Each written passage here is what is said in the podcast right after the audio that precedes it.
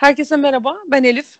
Ben Zehra. Merhaba ben Murat. Bugün biraz unutamadığımız öğretmenlerden konuşacağız. Hayatımıza neler eklediler, neler çıkarttılar, nasıl izler bıraktılar onlardan bahsedeceğiz. Zehra başlamak ister misin? Başlamak isterim. Önce ama şöyle başlamak istiyorum ben konuya. Ee, şu klişeye bir son verelim mi sohbete başlarken? Öğretmenlik kutsal meslek midir? Değildir. Bence de değildir. Bu, bu klişeye son vererek bence bir Ya da- sohbete başlayalım. Bir şey soracağım mesela öğretmenlik kutsal değildir. Tamam. Peki kutsal meslek var mı sizce? Şimdi iki öğretmen varız grupta. Bence diğer meslekteki arkadaşımız cevap versin. Şöyle ben kendi sesimden biraz garipsediğim için iki tane çiçek gibi kızın arasında böyle soba borusu gibi bir sesim olduğu için öncelikle herkese özür diliyorum. Sağ ol Murat.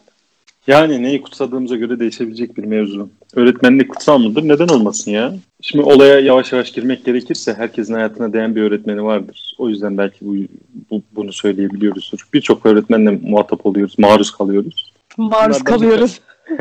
bazen maruz kalıyoruz, bazen muhatap oluyoruz. Onlardan illaki bazıları çok e, saygıdeğer insanlar olduğu için belki öğretmenlik mesleği güzel gözüküyor. Yani kutsal olanın öğretmenlik mesleği değil de öğretmenler olduğunu düşünüyorum. Tabii ki bütün öğretmenler değil. İşini hakkıyla yapan herkes kutsaldır bence. Avukatlar için de böyle, doktorlar için de böyle, inşaatçılar için de böyle, müteahhitler için de böyle. Aklımıza gelebilecek her meslek. Kim işini hakkıyla yapıyorsa o meslek kutsaldır.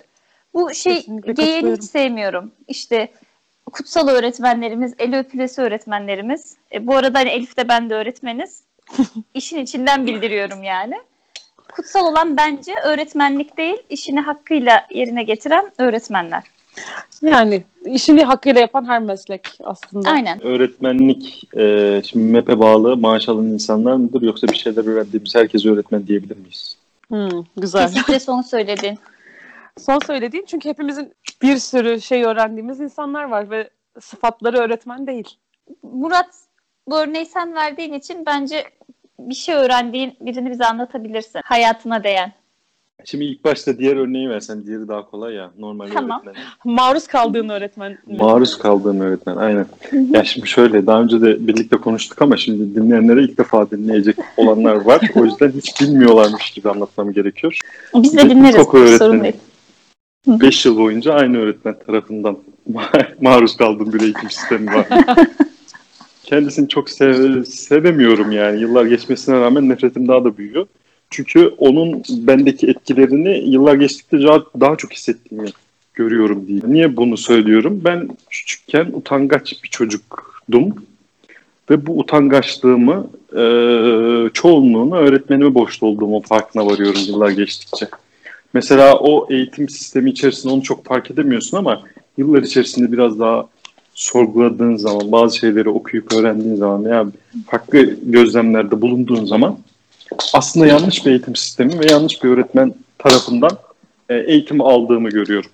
Yani bir şiddet görmüş bir öğrenci olarak bunları söylüyorum. Fiziksel ve psikolojik tabii ki. Psikolojiyi daha ağır. ağır. Psikolojiyi bize yani. açmak ister misin? Açmak isterim.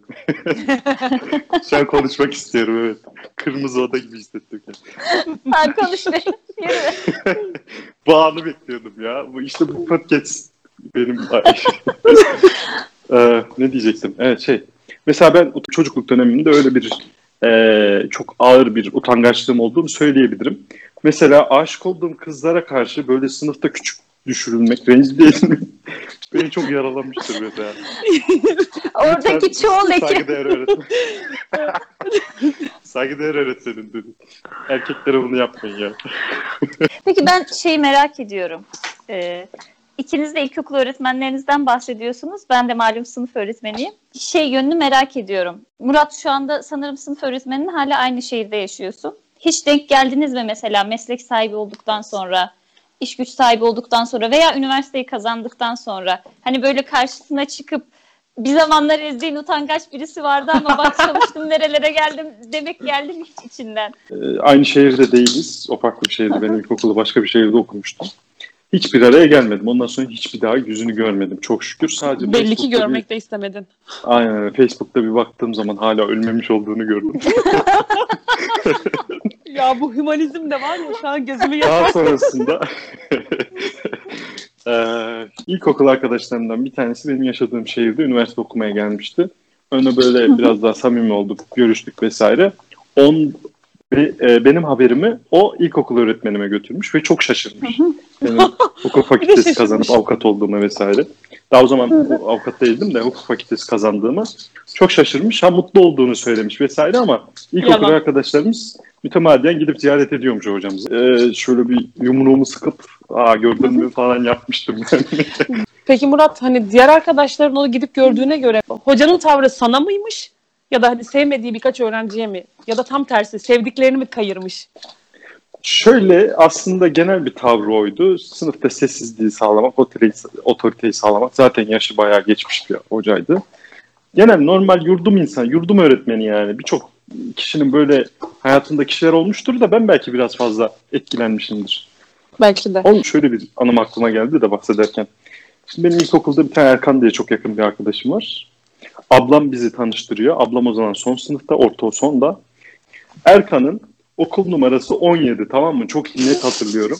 Benimki 268. Abi ne kadar zor bir sayı. Anlatamam o kadar sana. Yoklama alınırken hoca numarayı söylüyor. e, biz ismimizi söylüyoruz. Yok pardon özür diliyorum. O ismimizi söylüyor, biz numaramızı söylüyoruz. Öğrenmemiz için biz güya bizi teşvik ediyor. Erkan'a geliyor 17 diyor, patlıyor. Abi ben benim ismimi söylüyor, ben unuttum rakamı. Söyleyemedim, sesim çıkmadı. Burada da diyemiyorum. Çok değişik bir şeydi ya. Ondan sonra onun da azarını yemiştim. O mesela unutamıyorum o anı yani. Belli ki kalıcı 268 olmuş. sayısı yemin ediyorum hayatımın en zor sayısı. Hala en zor sayısı. Hayatta unutmam. Peki Zehra hani az önce Murat'a dedin ya sınıf öğretmenini görünce ne hissettin? Sen sınıf öğretmenini sonradan gördün mü ya da görünce ne hissettin? Ee, şöyle söyleyeyim. Benim bizim okuduğumuz dönemde 5 seneydi. Bu arada Hı hı. hepimiz üçümüz de aynı dönem ilkokul okuduk dinleyenler için. E, dördüncü sınıfı bitirene kadar tek bir öğretmenim vardı sınıf öğretmenim. Beşinci sınıfın ilk döneminde bir öğretmenim, ikinci döneminde de bir öğretmenim oldu. Ama ben sınıf öğretmeni deyince hep dördüncü sınıfı bitirene kadar ki sınıf öğretmenimi söylüyorum Aysun öğretmenim. Yani şu anda mesela bu yaşımda dönüp baktığımda e, hani insan biraz daha idrakine varıyor ya o dönemlerin. Hayatımdaki çoğu şeyi yapmamda, sevmemde ya da sevmememde çok fazla etkisi olmuş sınıf öğretmenimin. Zaten e, en üzüldüğüm şeyleri şöyle sıralasam ilk üçü kesinlikle öğretmenimin gittiği gün gelir yani. Gözyaşım kurumadı bildiğim bir sene boyunca. Ve şöyle de bir şey var. E, ben Erzurumluyum. E, ilkokul öğretmenim de Erzurum'daydı. Sonra ben üniversite son sınıftayken o Ankara'ya tayin istedi. Ve ben üniversiteyi bitirdikten sonra Ankara'ya gidince gidip öğretmenimi ziyaret ettim. 3 saate yakın evinde oturup sohbet ettik ve onu neden o kadar çok sevdiğimi hatırladım. Çok çok kıymetli çok kıymetli bir insan yani. Çok fazla etkisi var. Tuttuğum takımdan ya A'ları ve G'leri yapışıma kadar öğretmenin bende çok büyük yeri vardır yani. Ama şöyle de bir parantez ek- ekleyeyim. 5. sınıfın ikinci dönemi gelen öğretmenim e, Muğla Köyceğizliydi. Hayatımda hiç gitmediğim bir yerden o kadın yüzünden nefret ediyorum. Ya bir öğretmen nasıl olmamalı? Ee, bir öğretmen ne kadar bir çocuğu sevemez ve ne kadar sevgisiz olurun çok güzel bir örneğiydi yani. E, şu anda da kendime şu anlamda rol model aldığım birisi kendisi. Nasıl öğretmen olmamalıyım? Çocuklara nasıl davranmamalıyım? Bende de onun çok büyük bir etkisi var. Ee, hatta şöyle bir tane anımı anlatabilir miyim? Tabii. Anlatayım. Çok Şimdi. 5. beşinci sınıfın ikinci dönemi ben de başarılı bir öğrenciyim. E, deneme sınavı yapıldı. İşte bizim okulumuzun olduğu bölgede e, 4 5 ya 4 tane ya 5 tane okul vardı ve ben 5. sınıflar içerisinde birinci olmuşum o denemede. Yani bölge birincisi. Şimdi 25-26 kişilik sınıfım bir öğretmen olarak ne yaparsın değil mi? O kağıtlar geldiği zaman bir tebrik edersin, bir aferin dersin hiçbir şey olmasa da. Benim elimde kağıt böyle sarı küçük bir kağıt hala saklıyorum. Orada yazıyor böyle kafam kadar hani bölge sıralaması bir diye. Bekledim bekledim kadın bana bir aferin bile demedi ya. Bir aferin bile demedi bana. Hakikaten burası kırmızı odaya dönüyor. o kadar yani o, o kadar büyük bir travma olmuştu ki ben de çok üzülmüştüm. Çünkü bizim bir önceki öğretmenimiz böyle küçük şeyleri bile çok e, ödüllendiren birisiydi. Maddi anlamda değil. İşte yıldız verirdi, gülen yüz verirdi, aferin derdi mesela. O gün başkan olurdu. Biz de o şekilde alıştığımız için e, o kadının o tavrı bana çok tuhaf gelmişti. hani okul birincisi olarak mezun oldum. İşte müdür çıkarıyor, şey veriyor, ödül veriyor ama sınıf öğretmenim bir aferin bile demiyor ya. Çocuk, çocuk ne kadar aferin gezmek. biriktirmişiz içimizde. Ya değil mi? Çok aferin. Hani Justin'in hay demediği kız gibi. Bak 2003'te mezun oldum ilkokulda. 17 sene olacak. Yalnız hep sınıf öğretmenleriyle alakalı bu. Ha, hiç branş öğretmenleriniz hayatınızda etki etmedi mi? Hayır ben branşıyım diye demiyorum yani de. evet branşıyım diye diyorum yani. Branşlarınız hayatınızda etki etmedi mi? Hiç, hiç mi? Söz alayım Azıcık mı? da mı. Al. Şimdi tabii ki kötü örnekten bahsettik ama şimdi ilkokulu, e, ortaokul daha doğrusu oku- ortaokula ilişkin benim hayatıma mesela bu konuyu bana söylediğiniz zaman aklıma gelen iki tane örnek vardı işte. Birisi ilkokul öğretmeni kötü anlamda. Bir tanesi de iyi anlamda beden öğretmenimizdi o dönemdeki. Ee, okul takımına seçmiş beni. Ben o zaman tombul, iri yarı bir çocuk. İyi top oynuyorum yani. Yani tekniğim var. Belki erke- erkekler de dinlediği zaman şimdi hep bayanlar hitaben konuşmuş olmayalım. Yeteneğim olan bir e, futbol var. Futbolu çok seviyorum. Ee, ve beni okul takımına seçiyor. Beni çok seviyor. O dönemde o adam İmam Hatip mezunuydu. Böyle e, değerlerimize de yakın bir hocaydı yani böyle hani anlatıyor, konuşuyor, dertleşiyor. Hatta çok iyi hatırlıyorum. Orta sonda hocalarımız böyle bir tane sınıf hocamız şey yapmıştı. İşte idol aldığınız insanları yazın ve neden olduğunu açıklayın dediği zaman ben o hocamı yazmıştım. Ali Uyar'dı ismi. Buradan selam olsun. Bir daha onunla hiç görüşemedim, konuşamadım, denk gelmedik vesaire ama e, çok beni olumlu anlamda etkilemiş bir insandır. Yani ben onun yürüyüşünü bile taklit ettiğimi hatırlıyorum yani. Peki şundan ötürü mü senin için önemliydi? Seni fark etmiş olması. Bir de hani o Kesinlikle yaş öyle. grubu hepimizin fark edilmeyi istediği bir yaş grubu ya. Kesinlikle öyle. Yani hakikaten mesela böyle sınıfta e, herkesi toplardı böyle sohbet ederdi. Tek tek sohbet ederdi. Ve be- beni önemsediğini hissederdi. Tek soru sorardı ve bütün sınıf beni dinlerdi mesela. Hani böyle daha sonrasında bunu aşmış biriyim ama ilkokulda, ortaokulda bunlar benim için çok değerli şeylermiş mesela. O anlar hala aklımdadır yani. Ne konuştuğumuz bir de hala hatırımda. Bu fark Öyle. edilmek mevzusu var ya önemli bir mevzu. Mesela ben onu ortaokulda şöyle yaşamadım. Ortaokulu Zehra gibi ben de birincilikte bitirdim. Çünkü köy okuluydu. Aslında ben çalışkan olduğum için ya da çok başarılı olduğum için değil, algım bir tık daha fazlaydı. Hani diğerlerinin zaten okumak gibi dertleri yoktur. Sadece mecburi 8 yıl gidip gelirler. O yüzden ben zaten orada hani sınıfın çok konuşanı ve popüler olanıydım kendimce. Ama liseye geçtiğimde öyle olmadı tabii. Çünkü e, herkes kalbur üstüydü hem maddi olarak hem e, eğitim seviyesi olarak. İşte çoğu çok daha iyi okullar kazanmışlar bilmem ne. Benim de mesela beni fark eden lisedeki Abdullah Hoca hatta siz onu tanıdınız sonradan. Bir yerde gördünüz. Oranın neresi Evet, olduğunu şu an söylemek istemiyorum. Edebiyat Abd- hocam değil mi? Edebiyat hocam evet. Abdullah Hoca da beni şöyle fark etti. Ben mesela çok okuyan, çok da yazan bir insanım. Şu an o kadar okumuyorum, o kadar yazmıyorum. Ama o dönemde aşırı derecede okuyordum. Ee, ve Abdullah Hoca bana şey dedi, bir tane kompozisyon yarışması vardı Adalet Bakanlığı'nın. Yazacaksın dedi. Hocam ben yazamam dedim. Ben kim yazacağım da ortaya çıkaracağım da falan filan. Israr etti. Hatta sözlü notuyla tehdit etti. Eğer yazmazsan dedi edebiyat dersini geçemeyeceksin kesinlikle. Ben de bir korku tabii liseye yeni gitmişim kesin bırakır falan zannediyorum. Yazdım. Hatta bir gecede yazdım. Sonra kompozisyon yarışmasına gönderdim. Sonra il ikincisi oldum. İlk kazandığım parayı mesela yazarak kazandım ve Abdullah Hoca eğer benim yazabildiğimi fark etmeseydi muhtemelen kendimde böyle bir şey görmeyecek. Ha sonradan çok mu büyük yazar oldum? Yok yine arada blog yazıyorum falan. Çok da bir esprisi yok aslında ama benim de bir şey yapabildiğimi görmek mesela benim için hani ben biliyordum köy okulundakilerin yani hepsi benim köylüm ve akrabam olduğu için rahat sallayabilirim arkalarından. Hani onların seviyesini biliyordum zaten. Ben onların yanında Cinali serisini okusam bile zaten çok okuyan sıfatı taşıyordum. Hani kötünün iyisi oluyordum. Ama gerçekten iyilerin yanında bir özelliğinle öne çıkmak ve bunu kendinin arayıp bulması değil de hele o yaşta birinin seni dışarıdan görmesi, fark etmesi, birinin aslında sendeki bir yeteneği keşfetmesi çok gerçekten değerli bir şey. Yani kendimi çok özel hissetmiştim ben de o zaman. Ben de Ne varım zaman demiştim. senaryo yazmayı düşünüyorsun peki? Senaryo yazmayı hala yazıyorum. Şu an yarım olan senaryolar da var. Peki ne zaman bizle paylaşmayı düşünüyorsun? Biz ve dinleyicilerimiz. Bir gün Abdullah Hoca gibi böyle karşıma çıkıp sen yapabilirsin dediğinizde diyeceğim ama ya o zaman da tehditle yapmıştım yani bilmiyorum. Köşeye sıkışmam lazım böyle bir şey için. Zehra bilir. Ben bu konuda bir şey söylemek istiyorum. Şimdi bu ortaokul, lise çok tehlikeli yaş grupları. Tehlikeliden kastım daha yeni yeni büyümeye başlıyorsun. Kendini anlamlandırmaya çalışıyorsun, çevreni, işte o toplumdaki yerini, bir takım e, varoluşsal sancıları çekmeye başladığın ilk dönemler ve gerçekten düzgün birisi. Ve ama şimdi bu yaşlarda onu biraz daha sağlıklı bir şekilde yapabiliyorsun. Ama o dönem kendini bir yere konumlandıramıyorsun ya kendini tanıyamadığın için. Hı hı. Öğretmenin bu anlamdaki rolü şundan ötürü çok önemli. Sana dışarıdan bakabiliyor.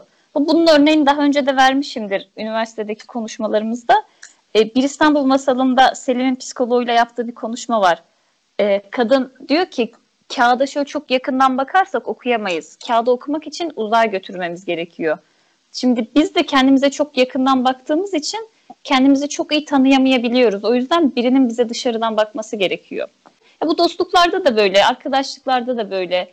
Gerçekten bakmayı ve görmeyi bilen insanlar e, bir şekilde bize dokundukları zaman bence hayatımız o anlamda değişiyor. Şimdi yazma örneği verdin ya.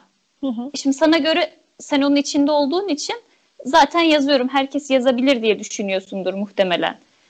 Ama sana dışarıdan bakan öğretmen aslında herkesin de yazamayacağını biliyor. Senin bilmediğin bir şey biliyor ve sana onu gösteriyor. Öğretmen olana kadar bunun ne kadar büyük bir e, sorumluluk olduğunu da bilmiyordum. Yani birine o dışarıdan bakma mevzusunun. Şimdi mesela öğrencilerime bakarken acaba gözümün önünde birinin bir yeteneği heba oluyor mu? Hani çünkü hayat boyu muhtemelen şunu diyecekler. Ben çünkü kendime bunu çok dedim. Ben ortaokuldayken de yazıyordum zaten ve o zaman daha çok yazıyordum ve öğretmenlerimle de çok paylaşıyordum bunu. Ya niye bir tanesi demedi ki hani sen aslında bunu yaparsın ya da mesela meslek seçiminde. Hani hep bir yerlere yönlendirdiler ettiler bilmem ne ya. Bir tanesi niye bana demedi ki ya senin işin bu değil ya. Sen bu değilsin yani. Benim hayatımın çarçur oluşunun %50 sebebi kendi ihmalim ise %50 sebebi de öğretmenlerim mesela. Suçluyorum da yani. Bu da beni çok fazla üzüldüm. misyon yüklüyoruz. Siz evet. de kendinizi boşuna bu kadar e, yük, omuzlarınızda yük hissediyorsunuz. Geçen Var. bir tane sor, şey vardı. Bir tane sosyal medyada denk gelmiştim. Soru sormuş işte eğitimde ailenin önemi ve eğitimcilerin önemi işte öğretmenlerin önemi ok- okul demiş daha doğru daha doğrusu. Ee, ben de oyladım. Aile dedim ve %90 oranında aileyi seçmiş millet. Ee, bence ailenin yükü burada daha fazla. Ben mesleki açıdan değerlendireyim bu mevzuyu. Bazı insanlar çoğalmaması lazım. Ha kesin. Evet. o yani siz kesinlikle. belki çocuklarla fazla muhatapsınız vesaire ama ben e, de kendi mesleğim gereği diyorum ki bazı ailelerin e, yeni bir ürememesi lazım yani bunlar şey yapması lazım. bu fikirde yalnız değilsin Murat. Deme yapayım sonra konumuza geri dönelim. Eğitimde kaynaştırma diye bir şey var. Ee, yani belli seviyelerde akranlarıyla eşit olmayan çocukların eğitime dahil edilmesi demek bu. Kaynaştırmada üç grup var. Birincisi herhangi bir engeli olanlar yani zihinsel veya bedensel. İkincisi farklı ülkelerden göç eden insanlar ki şu an mülteciler bizim ülkemizde. Üçüncü bir kaynaştırma grubu da eğitime uzak ailelerin çocukları. Yani bizim ülkemizde yaşayan, mülteci olmayan, herhangi bir engeli olmayan ama ailesi eğitime uzak olduğu için eğitimden uzak kalmış kişiler. Hani aile bu anlamda gerçekten çok önemli. Senin de Murat'ın da dediği gibi. Şimdi ilkokuldan bahsettik, ortaokuldan bahsettik. Lisede veya üniversitede unutamadığımız bir öğretmenimiz var mı? Misafirimiz cevaplasın. Murat cevaplasın. Lise yılları. Lisede, lisede aşk acısı çekiyordum. Hiç öğretmenlerim Murat bir şey sorabilir miyim? Aşk acısı çekmediğin herhangi bir eğitim öğretim var mı? Yok ya ortaokulda öyle değildim ben lisede. Ha, ilkokulda yaşadın. İlkokulda yaşadın. Aşka küstün sonra lisede tekrar geri döndün.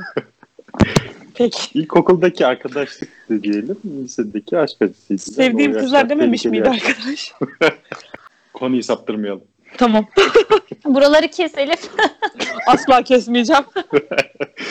evet lise. Unutamadığımız öğretmenler hiç mi yok? Yani bak bu şey anlamında değil iyi anlamda değil. Hani gözümüzde bir işte şu hayat bilgisindeki afet öğretmen imajı değil. İyi anlamda da kötü anlamda. Benim açımdan lisedeki bütün hocalarım standart ya. Ben herhalde demek ki onu aşmışım ilkokulda ki lisede öyle çok hayatıma e, böyle direkt etki etmiş bir hocaya izin vermemişim. Hocalarla ben hep mesafeliydim zaten onu düşünüyor onu düşündüm de Ee, hep bir vasat öğrenci olaraktan hayatımı devam ettirdim. Hep böyle teşekkürlük öğrenciydim. Hiçbir zaman ne takdir oldu ne de e, böyle sıradan tembel bir çocuk oldum. Ondan kaynaklı da olabilir. Yani lisede böyle hayatıma direkt müdahale etmiş bir hocam yok diyebilirim. Peki hukuk fakültesini tercih etmende birinin böyle bir şey oldu mu? Yönlendirmesi, dershane. Sıfır. Sıfır. Net sıfır. Evet, tamamen hayat şartları mı? Aynen. Tamamen hayat şartları. O puan almışsan hukuk fakültesi yazmak zorundasın. Peki senin Zehra lise öğretmenlerin? Ya benim lise burayı keseceksen ben de söyleyeceğim ama kesmezsen söylemeyeceğim. Kesmedi. Bak ciddi söylüyorum ha. Kanka alo kesiyor musun? Kanka sebebi şey kavga sebebi. Yalnız bütün asalet gitti fark ettin mi? Evet Elifciğim. Kanka alo. Hani o dönem çok onun şeyinde değildim. Ee, ama çok sevdiğim öğretmenlerim vardı. Birebir iletişim halinde değil de örnek aldım kendime. Mesela felsefe hocam vardı iki tane lisede. Ya bu felsefe, psikoloji, sosyoloji, mantık falan böyle değişiyor ama hep aynı hocalar giriyordu ya. Hı hı.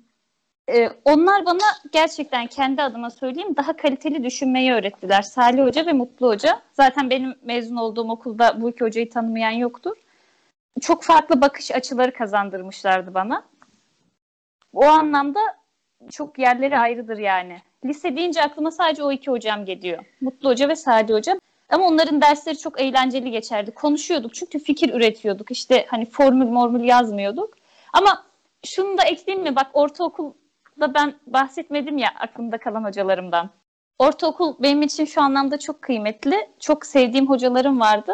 Ve sonraki ilgi alanlarım da onlar sayesinde şekillendi. Elif sen bir dakika şu arayı da kes. Benim nefesim kesildi. Bak orayı çıkarmak gerekiyor. Abi çok iyi ya. bir şey söyleyeyim mi? Aslında var ya dayayacaksın kutsalı böyle devam edecek. Vallahi var ya. Keşke bunun videosu olsaydı. buralara ya. Kesmeyeceğim tabii ki. Hayır hayır kes. Ne, te- ne teklif ediyorsun mesela burayı kesmem için? Bilmiyorum kanka ne, ne, Teklifin nedir? ne şey yapıyorsam. Şimdi baştan alıyorum. Ortaokul öğretmeni. Kestiğimi zannederek devam ediyor. Evet. Ee, ortaokuldaki hocalarım daha kıymetli bu anlamda. Hayatımı şekillendirme açısından ilkokul öğretmenim dışında. Çünkü onlar bana neyi sevdirdiyse ben ondan sonra hep oradan devam ettim. Yani ortaokulda sevip de sonradan ya ben aslında bunu sevmiyormuşum dediğim hiçbir şey yok. Birincisi İngilizce öğretmenim Sezgin Hoca. Sosyal bilgiler öğretmenim Selahattin Hoca. Matematik öğretmenim Murat Hoca. Bir de 8. sınıfta Türkçe dersimize giren Mustafa Hoca vardı. Onun şöyle bir şey oldu hayatıma. Senin Abdullah Hocan gibi. Bize bir şiir dinletisi hazırlatmıştı. Ve hayatımda ilk defa o zaman şiir okumuştum ben. Şiirden kastım bu işte 29 Ekim'de falan okuduğumuz şiirler değil. Atilla İlhanlar, Hı hı. Sezai Karakoçlar. Düşün yani 8. sınıf öğrencisisin daha 13-14 yaşında bir sürü şiir ezberletti bize bir sürü. Ve o zaman hiç unutmuyorum o ilk dinletinin ilk günü yani provaları yaparken demişti ki buradaki tek amacım size şunu kazandırmak. İleride bir gün yerde bir kağıt parçası gördüğünüz zaman üstünde bir şiir varsa onu yerden merak edip alıyorsanız bu benim için çok şey ifade eder demişti. E, bunu 2005 senesinde söylemişti. Bak bugün 2020'de ne zaman bir e, kağıdın üstünde bir şiir görsem alıp okuyorum ve hep aklıma Mustafa Hoca'nın o sözü geliyor. Hani ondan sonra aslında şiir, edebiyatı sevdiğimi, hani bunları Fark ettim. okumaktan zevk aldığımı fark ettim. O anlamda benim için yeri büyüktür Mustafa Hoca'nın. Bu arada ortaokula geri dönmüşken ben de orada birinden bahsetmek istiyorum. Benim de ortaokulda e, bir Ömer Hoca vardı. Hala var aslında yani ama şu an nerede ne yaptığını bilmiyorum. Aslında branşı tarih ama ortaokulda sosyal bilgiler dersine geliyordu. Mesela bu adamı benim hayatımda kıymetli yapan şey az önce hani ortaokul ortamından bahsettim yani or- vasat öğrenciler yani çünkü kimsenin okumak gibi bir amacı yok 2-3 kişi haricinde ve öyle bir ortamın nasıl olduğunu tahmin ediyorsunuzdur. Yani ona rağmen öyle bir ortamda e, yazılı yaparken sınıftan özellikle çıkardı ve çıkarken de ben size güveniyorum. Benim güvenimi boşa çıkartmayacağınızı varsayıyorum deyip çıkardı. Ve o çıktıktan sonra Adam sen bak o kitaba. Sıranın altında kitap. Hani başında böyle eli maşalı durup da kopya çekemezsin, çektirtmem bilmem ne yapsa o kadar etkili olmayacaktı belki de. Ben mesela şu an öğrencilerime güvenmeyi biraz Ömer Hoca sayesinde öğrendim. Kamera olmayan sınıfta öğrenciyi bırakıp çıkıyorum bazen. Özellikle sınavda ve şunu söylüyorum. Bana yalan söylemeyeceğinize güveniyorum. Bak bu çok riskli aslında bir öğrenciye bu özgüveni vermek. O yaş grubu için söylüyorum. Çünkü şunu ispat etmeye kalkabilir. Bak yapıyorum. Hani sana da yalan söyleniyormuş. Ama çoğunlukla yüzde doksan öyle olmuyor. Aksine şey oluyor. Çocuk yapamıyorsa bile okuduğum kağıtlardan anlıyorum onu. Çünkü baksa bakar aslında. Çocuk yapamıyor ama Elif Hoca'nın güveni kırılmasın diye onu boş veriyor. Ya da yapamıyorsa da önemli değil. Çekmiyor o kopyayı. Hani başında durup ha babam sınıfındaki Kül Yutmaz Hoca gibi yapsan o kadar etkili olmayacak. Üniversite peki Elif? Ben üniversiteyi hiç sevmedim. Daha doğrusu şöyle, benim üniversite hayatım e, istemeyerek seçtiğim bir bölüm, istemeyerek gittiğim bir okul olduğu için üniversite hocalarımı severim bu arada ama üniversite hocalarımdan ziyade üniversite dışında kurduğum ortam bana çok şey öğretti. Ama üniversitede de lise hocam hayatımı etki etti. Mesela lisede bir matematik hocam vardı Mustafa Hoca. Demek adı Mustafa olanların öğretmen olması gerekiyormuş buradan da. Evet. Bazı hocalar olur ya böyle nevi şahsına münhasır, öğrenciye dokunmayan, öğrencinin bazı sorusuna cevap vermeyen ama o ilgisini sonuna kadar gösteren. Şimdi böyle söyleyince çok absürt bir tip çıktı ortaya. Ama adam cidden öyle. Yani Erzurum'a üniversite okumaya gittiğim zaman onun da tarihi çıktı ve Erzurum'a geldi. Ve hı hı. normalde o adamın beni arayacağına ihtimal vermem. Sürekli beni aradı, sürekli sordu. Hatta bizim doğum günlerimiz aynı onunla. Bana hediye bile aldı.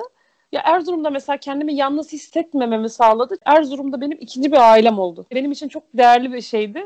Peki Murat senin, sizin üniversitede daha böyle bir fikirsel bir grubunuz vardı sanki bir hoca eşliğinde. Var mı böyle yol gösteren, fikrini değiştiren, hayata bakış açını değiştiren bir hoca? Yani şöyle, üniversitede de olduğunu söyleyemem işin açığı. O dediğin hoca ve ekiple de artık olgunlaşmış bir fikirlerimizi paylaşacağımız bir ortam oluşturduğu için değerliydi benim için. Ama böyle fikirlerimi açan, yeni ufuklar gösteren vesaire gibi bir hocam olmadı. Zaten içimizde bir tortumlu olduğu için şu anda söyleyeyim. Erzurum'da okumaktan hiçbir zaman haz etmedim. Üniversiteyi de hiçbir zaman sevmedim. Ee, üniversite döneminde yani sizin dışınızda üniversite dönemini çok Canım. da haz ederekten, severekten okumadım. O konuda ee, yalnız değiliz diye düşünüyorum. Üniversite ile ilişkin şunu söyleyebilirim ama. Diyebilirim ki hani konuşmanın başında konuştuğumuz mevzu vardı ya öğretmenlik illa bir meslek maaş alan bir meslek grubuna mı mensup olan kişilerden bir şeyler öğrendim yani bir şeyler aldığım zaman öğretmen olmuş oluyor. Yok değil. Tam tersi bir şeyler öğrendiğimiz herkes bizim için o dönemde öğretmen e, sıfatına haiz olmuş oluyor ve üniversitede bunu fazlasıyla yaşamışımdır. E, belki siz Zehra tanıyor da Elif sen tanıyor musun bilmiyorum. Bir tane kitapçı abi vardı. Evet. E, bilirsiniz. Evet, evet. Ondan çünkü ben o dönemde çok şey öğrendiğimi düşünüyorum. Yeni ufuklar açmak konusunda. Kendi yeni ufuklar açan bir abi buldum ve benim bundan haberim mi yok? Sen mezun olduktan sonra mı Murat onunla daha sık görüşmeye başlamıştı? Yanlış mı hatırlıyorum? Kesinlikle öyle. Üniversite deyince benim aklıma fakültede geçirdiğim zamanlardan ziyade hani birlikte yaptığımız şeyler geliyor. İşte o ve o sürecin kıymetli olduğunu da insan biraz da o ortamdan kopunca, yaşı ilerleyince anlıyor bence. Ki o dönem düşünüyorum hayatıma giren hemen hemen her kişiden çok fazla şey öğrenmişim. Her biri birer öğretmen mahiyetinde. Siz de dahil olmak üzere. Öyle. Benim için de öyle. Ama şey ya biz öğrenmeye de açtık. Yani öyle de bir mevzu vardı o zaman. Ya mesela ben kendi adıma söyleyeyim. Böyle şeydi sanki dünya böyle kocaman bir bilgi yumağı. İşte benim için de bütün dünya böyle bilinmezdi. Ama her konuda her şeyi öğrenmem lazım hissiyatında olduğum bir zaman dilimiydi. O yüzden mesela senden de çok şey öğrendim Murat'tan da o içinde bulunduğumuz arkadaş ortamından işte beraber iş yaptığımız ekiplerden. Yani... Bahsetsene ondan biraz. Geldiği noktaya bak. Burayı kırmak zorunda kalacağımı biliyorsun. Niye Yok ya niye duysunlar, bilsinler. Yani güzel evrim zamanlardı. konuştuğumuz evrim konuştuğumuz zaman hatırlıyor musunuz diye. Benim aklıma ya, o geliyor sürekli. Elif değil mi? Kanka bak araya sıkıştırıyorum. Bak o araları kesmen gerekiyor. Keseceğim Vallahi dava ederim seni ha. Avukat hazır. İsme iyilik sağlık. Dost bildiklerim. Şimdi hep böyle şeyden bahsettik ya.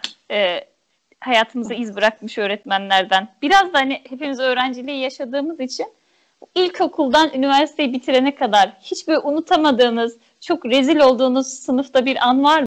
Ama ben bir şeyimi anlatabilir miyim önce? Ben okula Anlat. yalnız hani söz hakkı istiyorum ama vermeden hemen damlıyorum. Bu da bir mesleki deformasyon. Şöyle ben ilkokula erken başladım. Çünkü okuma yazma biliyordum zaten. Okul müdürü de bizim köydendi ve isim adımı soyadımı daha doğrusu onun adını soyadını yazınca beni okula aldı. Bu kadar erken dediğim cidden dört buçuk yaşında başladım ben ilkokula. Ama şöyle bir sıkıntı oldu sonrasında. Ee, o zaman Pavlov'un köpeği gibi zille hareket etmediğim için zil çalıyor, herkes içeri giriyor. Ben bahçede oynamaya devam ediyorum. Zil çalıyor, herkes teneffüse çıkıyor. Ben sınıfta canım sıkılıyor, uyuyorum falan. Böyle dört buçuk yaşında her normal bireyin yaptığı gibi özgür irademle takılıyorum. Sonrasında okulu bırakmamı istedi işte müdür yardımcısı araya girdi falan. Bir sene sonra tekrar başladım.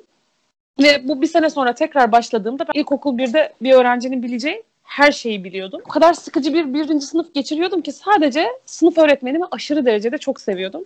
Ve ailemin bana sınıf öğretmenimle el ele verip bana attığı en büyük kazıktan bahsetmek istiyorum. Ben okuma yazma ve matematikte hani toplama çıkarma bildiğim için dediler ki hiç zorlamayalım. Direkt ikinci sınıftan devam etsin. Ben de nasıl bir hikmetse kadını iki ayda ne kadar sevmişsem ben Özlem hocamdan ayrılmam bilmem ne diye ağladım zırladım. Ve ailem ve öğretmenim el ele verip benim özgür irademe saygı duymaya karar verdiler. Ve dediler ki tabii ki birinci sınıfta devam etsin öğretmeninden ayrılmasın. Ve bu benim hayatımda şuna mal oldu. Eğer o sene ikinci sınıftan devam etseydim bir sene oradan kazanıyordum. Benim liseyi üç sene okuyacaktım. Dört sene vurmamış olacaktı bana. Sonrasında ben ortaokuldan sonra bir sene ara verdim. Onu da vermemiş olduğumu varsayarsak muhtemelen 18 yaşında üniversite mezunu olacaktım. Bu mesela o kadar büyük bir kazık geliyor bana ki hani utanılacak anıdan girdim aslında ama utanılacak anı değil de böyle bakınca ağzıma tüküreyim diyorum. Kendime o kadar kızıyorum ki sevilecek nesi varmış ve kadın ikinci sınıfta bizi bıraktı gitti. Okulun müdür yardımcısıyla evlendi. Ha, sonra gelen sınıf Al. öğretmenimi aşırı derecede çok seviyorum bu arada. Hani sonradan ikinci sınıfta gelip de beşte bizi mezun eden sınıf öğretmenimi aşırı derecede çok seviyorum. Hala benim için çok değerli bir adam. Ama o birinci sınıfta hayatımı mahvetti kadın ya. Mahvetti yani bilmiyorum 18 yaşında hayata başlamak hayatımda neyi değiştirirdi çok bilmiyorum. Bir sürü kaçırılan ihtimal gibi geliyor. Bu kadar hayatıma saygı duyan, kararlarıma saygı duyan ailem üniversite tercihlerinde bunu yapmadılar mesela. Ona kendileri karar verdiler. Mesela ilkokul birde verdiğim salakça kararın hayatımı ne kadar değiştirdiğini görüp öğretmen olmama kendileri karar verdiler. Üçüncü Bu da böyle bir şahsın anı. şiirini sana e, ithaf ediyorum. Bir Evet, kadın başka bir erkek için gitmiş. sen Evet. ortada kalmışsın. Hazır mısınız ama? Evet. Hazırım. Aşık olduğunuz hocalarımızdan bahsedelim hadi. Oo. Senin vardı değil mi Murat? Aşık oldum değil de hayran olduğum bir güzelliğine hayran olduğum bir, bir tane hocam vardı İngilizce Aa, hocam. aşık, Lise aşık. Ha, liseyiz aşktır. Ya. Renkli gözlü çok güzel bir tane hocamız vardı. Ben böyle böyle, böyle kolum çenemde böyle menül menül hocayı izliyorum. Hoca en son şey dedi ya bana öyle bakmazsanız sevinirim arkadaşlar. Evet Çok fena. öyle bir durumum Bu- vardı yani. Bu çok normal ama bence lise grubu hem kız hem erkek öğrenciler için çok normal. Hayranlık şeyi. Elif sen daha iyi bilirsin o grupla çalıştığın için. Evet doğru da mesela kendimi düşünüyordum ben bu arada hani aşık olduğum bir hocam var mıydı diye. Ya O yüzden- direkt aşk değil zaten de. Tabii canım yani zaten şey hani orada karşında bir insan var ve ona saygı duyuyorsun. Bir de o sana bilmediğin bir dünyayı gösteriyor ya. Ben biraz ona bağlıyorum. Mesela, mesela kadının sadece güzelliğiyle alakalı değildir o mevzu. Yani biraz da karakteriyle İnşallah. alakalıdır. İnşallah. Oldu o zaman. Erkek yorumu katalım Bu- oraya. Ben bu podcast amacından amacından saptı. Benim yoktu ya. Düşünüyorum da hiç, hiç o anlamda Ya gerçek Yok ya. keseriz. vallahi yok. Gerçekten düşünüyorum yok. Peki Zehra sana bir şey soracağım. Şimdi sen mesleğin içinden biri olarak normalde öğretmenlikten önce çocuk sevmediğini çok iyi biliyorum. Evet. Mesela öğretmenlik bu anlamda sende ne değiştirdi? Öğretmenlik bu anlamda şunu değiştirdi. Çocukları sevmeye başladım. Daha doğrusu sevdim yani şu an çok seviyorum. Önce kendi çocuklarım olmak üzere. İkincisi de hatta bugün kendi sınıfıma bunu yazdım. O yüzden 5'te geldim eve. Bayağı boyalarla haşır neşir oldum. Öğretmenlik bana şunu kazandırdı. Bu Küçük Prens'te geçen bir cümle var. Bu arada Küçük Prens'le ilgili de şunu söyleyeyim. Ee, 2015 yılından sonra böyle bunu o kadar laçkalaştırdılar ki her ağzına gelen herkes böyle abuk sabuk şeylerin altında Küçük Prens yazıyor. Mahvettiler güzelim kitabı ama ben yine de bir alıntı yapacağım çünkü bu onun değerinden bir şey kaybettir. Diyor ki bütün yetişkinler bir zamanlar çocuktu ama çok azı bunu hatırlar. Ben öğretmenlik yapmaya başladıktan sonra bir zamanlar çocuk olduğumu hatırladım. Çocuklarla zaman geçirdikçe, e, mesleği yapmaya başladıkça. Bir de şöyle bir şey var. Ben şunu fark ettim öğretmenlik yaptığımda. Benim yaş grubum 6-10 yaş arası. Ben çocuklarda şunu fark ettim öğretmenlik yapmaya başladıktan sonra. Çocukların sevgisi karşılıksız. Hani e, işte anneler karşılıksız seviyor ya. Çocuklar da karşılıksız seviyor. Ya ne yaparsan yap. Ya bir çocuğun sevgisini kazanamıyorsa bir insan e, gerçekten onda bir sıkıntı var diye düşünmeye başladım ben. Çünkü küçücük bir şey bile yetiyor bir çocuğun seni sevmesi için. Gülümsemen yetiyor. Atıyorum işte saçlarım bugün ne güzel olmuş demen yetiyor. Veya daha basit şeyler yetiyor. Bu dünyadaki en kolay şeylerden birisi ve en değerli şeylerden birisi bence bir çocuğun Or- sevgisini işler bir kazanabilmek. tık değişiyor ama. Ortaokuldan bildireyim. İşler bir tık değişiyor. Şöyle değişiyor ama. Mesela sınav yaptın ve zor oldu diyelim tamam mı? Mesela o ana kadar seni çok seven bir öğrenci sınav anında senden nefret edebiliyor. Ha, sonra sınavdan iyi aldığını fark edince geçiyor. Daha duyguları oturmadığı için bence. ilkokulda daha netler. Henüz tam büyümedikleri için. Ortaokul bir geçiş, geçiş aşaması ya. O dengesizlik şeylere de çok yansıyor. Duygularına da çok yansıyor. Ben buradan bildirebilir miyim? Tabii ki. Zehra ne ara bu hala geldi. Hala şaşkınım yani. Zehra ve insan sevgisi değil mi? Aynı cümle içinde. Kesinlikle çocukları tekmeleyecek bir kız. yani çocukları çok seviyor. Ve çok şaşkınım. Mesela Murat ama bir şey söyleyeyim mi? Ben e, Zehra'nın geldiği aşamayı anlıyorum. Ben normalde de çocuk çok severdim. Şimdi şey hissediyorum artık. Mesela bazı öğrencilerimi şu pandemiden dolayı aylarca görmediğim öğrencileri bu hafta gördüm. Gözüm doldu bazı öğrencileri gördüğümde. Dokunmamak için kendimi çok zor tuttum. Yani kendi çocuğun gibi hissediyorsun. Gerçekten kendi çocuğum olsa onlardan fazla sever miyim çok emin değilim. Belki denk severim. Anlatabiliyor muyum? O sevgi çok yürekten gelen bir şey. Çok bambaşka bir şey. O aşamaya getiriyor insanı öğretmenlik. Çünkü çocukluğunu hatırlıyorsun. Zehra'nın dediği gibi. Pek. Seni hiçbir öğretmenin böyle sevmedi mi? Hiçbir öğretmenin seni görünce gözü dolmadı mı? Zanneder zaman. Yavaş yavaş konuyu toparlayalım o zaman. Tamam benim Hı, merak söyle. ettiğim bir soru daha var. Belki konu oradan devam edebilir. Tabii ki. Bu arada e, daha saat erken. Ya şöyle sınıf başkanı hiç oldunuz mu diye soracaktım da. merak Ben oldum. Ben, ben hiç sınıf, öğre- Sen sınıf mu? başkanlarını hiç sevmezdim. Hiç olmadı. Neden? 12 sene YouTube- sınıf başkanlığı yaptın. Şu YouTube'da bir tane patladı gitti bir tane Hasan Can Kaya diye bir tane. Ben hep orada konuşanlar olaraktan listeye yazılan ve hiçbir zaman sınıf başkanlığı yapmamış her zaman e, ceza alan bir öğrenci olaraktan bunu söylüyorum. Sınıf başkanlarına sinir olurdum, nefret ederdim. Başkandan ziyade başkanlık kurumuna karşı bir öfken mi var senin? Bir gıcıklığın. Ya denebilir evet ya başkanlara karşı.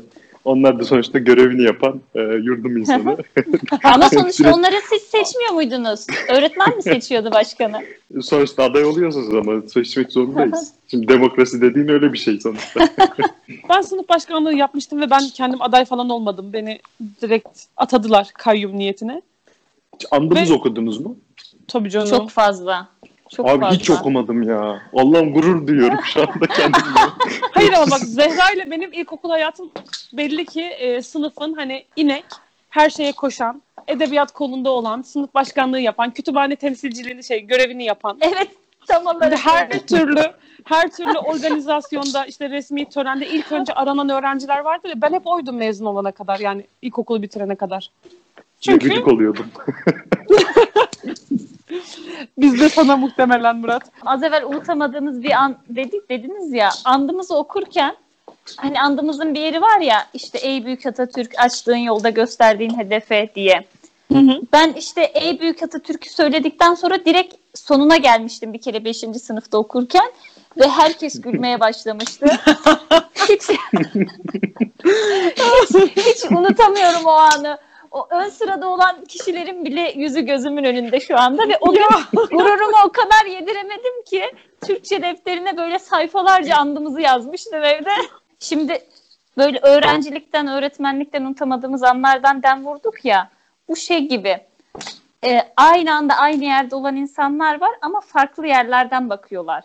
Aynı şeye bakıyorlar ama farklı yerlerden farklı bakış açılarıyla. Şimdi andımızdan bahsettik. Ben andımızı okuyan kişiyim. Murat aşağıda bana gıcık olan kişi. Bu bence bu yüzden kıymetli bir sohbet oldu aslında. Evet. Benim için de öyle. Benim için değerli Aynen. bir sohbet oldu. Teşekkür ediyorum ikinize de. Yani mevzuyu da duygusallığa bağlayacaksak ben sizi çok özlediğimi fark ettim şu anda. ya ama böyle şeyler yapma. Murat Murat'a yaşlanmak hiç yaramamış.